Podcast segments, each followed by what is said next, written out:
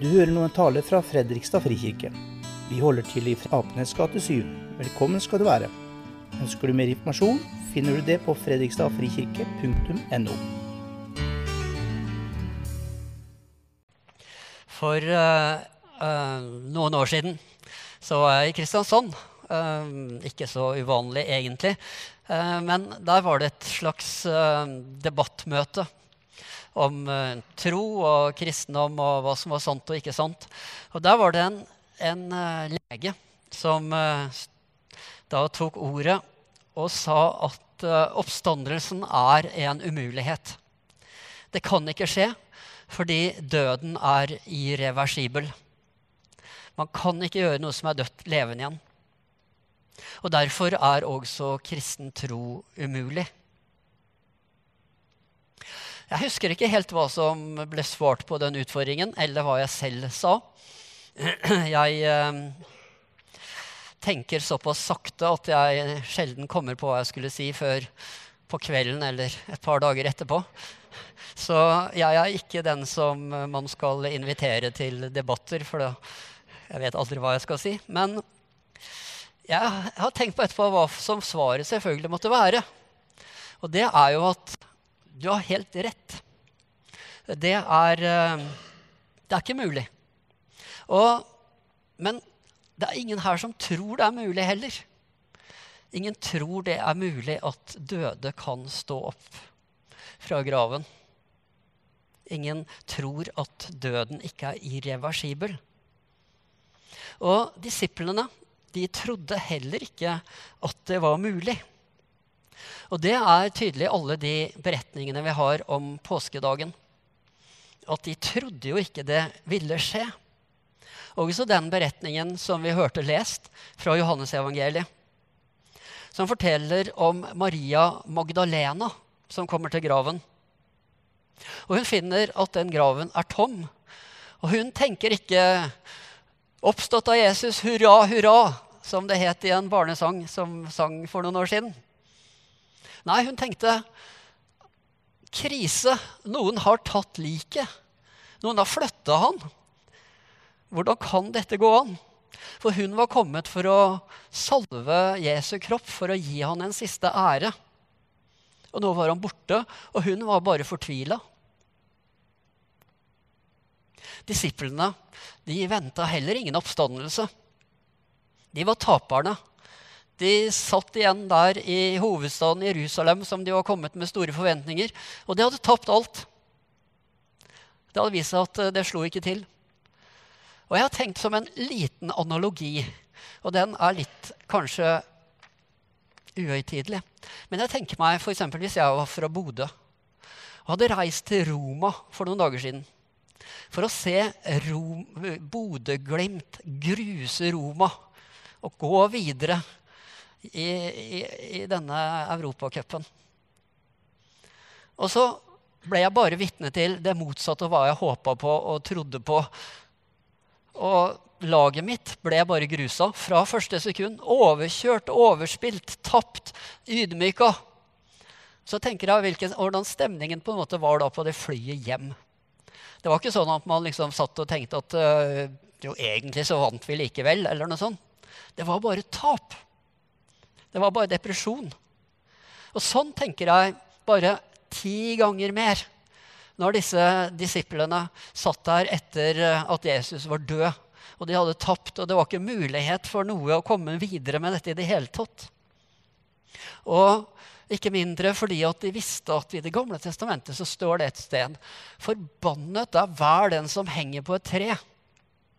Og det eneste, grunnen, eneste de kunne tolke Jesu død på et tre som, var egentlig at han var under Guds forbannelse.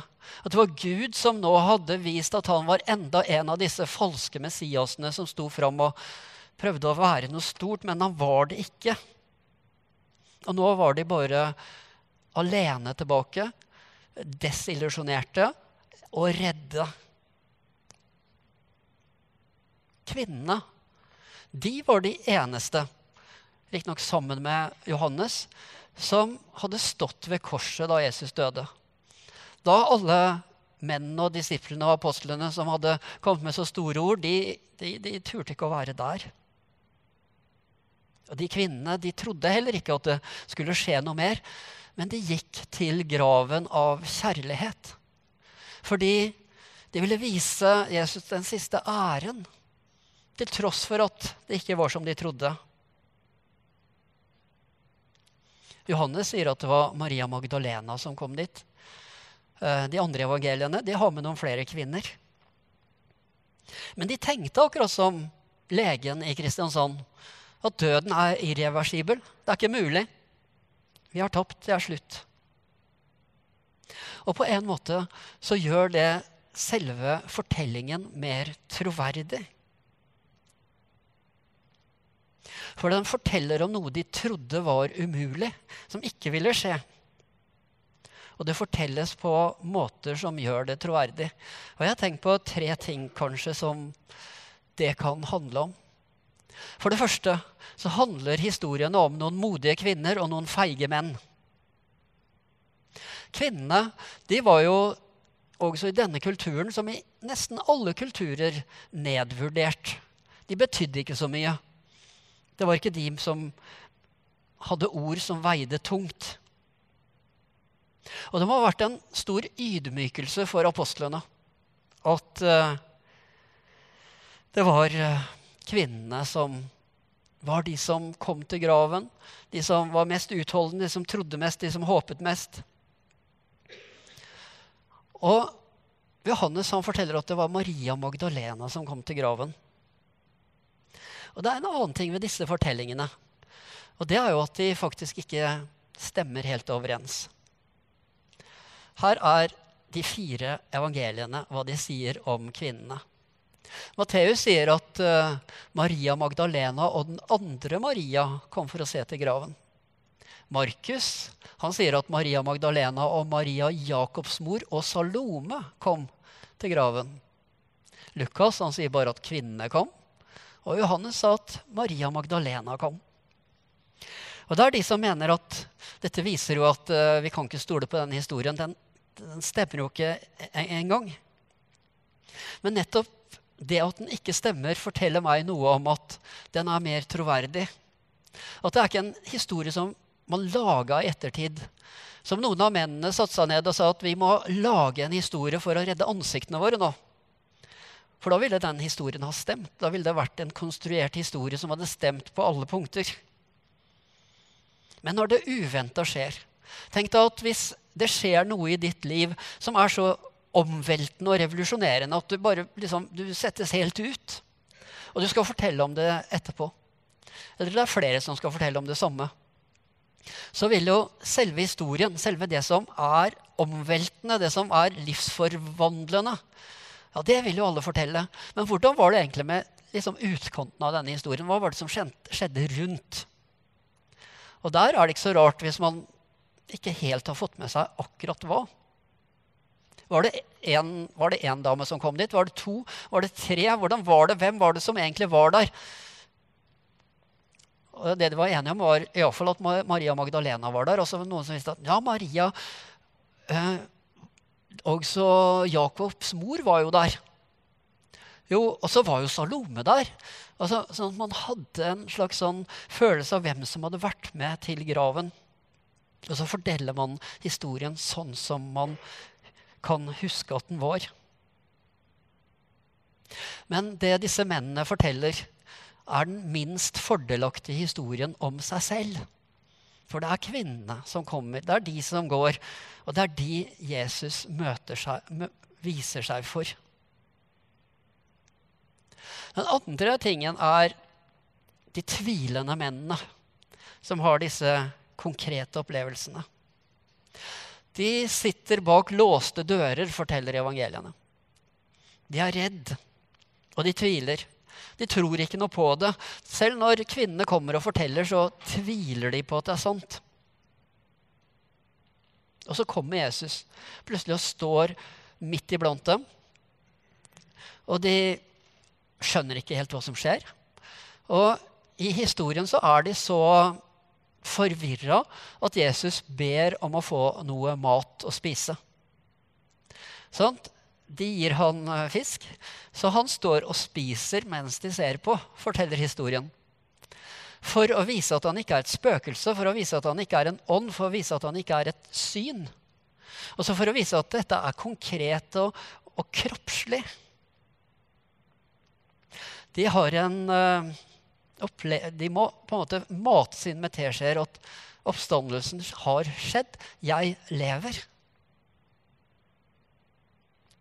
Jeg har lest en del uh, moderne teologer som sier noe om at de, disse har en så sterk og mystisk opplevelse at de ikke har språk for det som skjer, når de skal fortelle om det. Men det er det stikk motsatt som egentlig historiene forteller om. De har en helt konkret opplevelse, og de har et helt konkret språk å fortelle om det som skjer. Fordi det er fysisk, det er noe de opplever. Noe som de ikke tenkte var mulig. Og det som er litt interessant er at Hvis du leser videre for i Matteusevangeliet etter oppstandelsen, så går det 40 dager til det som da heter Kristi himmelfartsdag, da Jesus forlater disiplene. Og til og med den dagen så står det om de som var der, og så står det at noen av dem tvilte. Og jeg, syns det er en ganske interessant ting å skrive. fordi man skulle tro at det skulle stå at alle var nå kjempelykkelige og trodde sterkt. Men denne opplevelsen, det at Jesus sto opp fra de døde, det var så helt imot alt de trodde og tenkte, at til og med da så var det noen som ikke var sikker. Er dette virkelig, eller er det det ikke? Og For meg er det også noe som bare styrker historien. At den faktisk er sann. Og det tredje det er denne ærlige eh, fortellingen som har en livsforvandlende effekt. Altså, Den skjuler ikke tvilen, men de opplever noe så sterkt at det forvandler alt. Det forandrer alt. Og jeg tror vi kan si det så sterkt at Hvis det ikke hadde vært noen oppstandelse, så hadde det ikke vært noen kristendom. For det hadde ikke vært noe grunnlag for å danne religionen kristendom. Peter han hadde dratt tilbake til fiskebåten sin. Matteus han hadde reist tilbake til tollboden sin. De hadde tapt. Det var ikke noe å bygge videre på. De måtte leve livet videre. Kristendommen er uforklarlig uten Jesu oppstandelse uten at det skjedde noe etter Jesu død som var så sterkt og livsforvandlende at det gjorde disse redde, tvilende disiplene om til modige og frimodige vitner som turte å stå overfor hvem som helst og snakke om det de hadde opplevd, med stor autoritet. Sånn at masse folk også begynte å tro på det de trodde på, og tro på det de fortalte de hadde opplevd og sett. Noe skjedde som førte til at verden rett og slett ble forandra. Det umulige skjedde, det som forandra alt. Men hvordan kan det umulige skje? Og da tenker jeg verden er mer enn fysikk. Og verden er mer enn biologi. På en måte kan vi si at eksistensen i seg selv er umulig. Altså at vi er her. Hvordan kan vi forklare det? Hvordan er det logisk mulig?